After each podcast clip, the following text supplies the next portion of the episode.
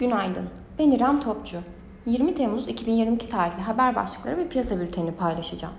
Tahran'da gerçekleştirilen üçlü zirvede İran tarafı Türkiye'nin Suriye'ye olası operasyonu konusunda siyasi çözüm vurgusu yaparken Erdoğan operasyon konusunda kararda olduğu mesajını verdi.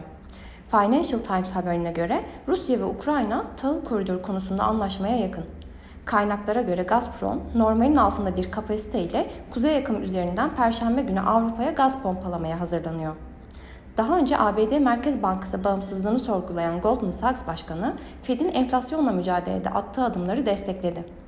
Küresel borsalar güne yükselişle başladı. Piyasalara genel olarak bakacak olursak pay piyasalarında global resesyon endişelerinin bir miktar zayıflamasıyla son dönemde güçlü satışlarda karşılaşan yurt dışı majör borsalar tepki yükselişini güçlendirerek devam ettirdi. Başta ABD olmak üzere majör ekonomilerden gelecek zayıf verilerin resesyon endişelerini tekrar güçlendirerek orta vadeli düşüş trendinde olan borsalarda ve emtia fiyatlarında satış baskısının yeniden artmasına neden olacaktır. Yurt dışı borsalardaki toparlanmaya paralel tepki yükselişini devam ettiren Borsa İstanbul'un yurt dışı borsalarda önemli bir bozulma yaşanmadıkça güçlü bilanço beklentileriyle kısa vadede tepki yükselişini devam ettirmesi beklenmektedir. Bilanço dönemine girmemiz nedeniyle BIST'te hisse bazlı hareketlerin ön plana çıkması beklenirken güçlü bilanço beklentileriyle bankacılık endeksi pozitif ayrışmasını sürdürebilir.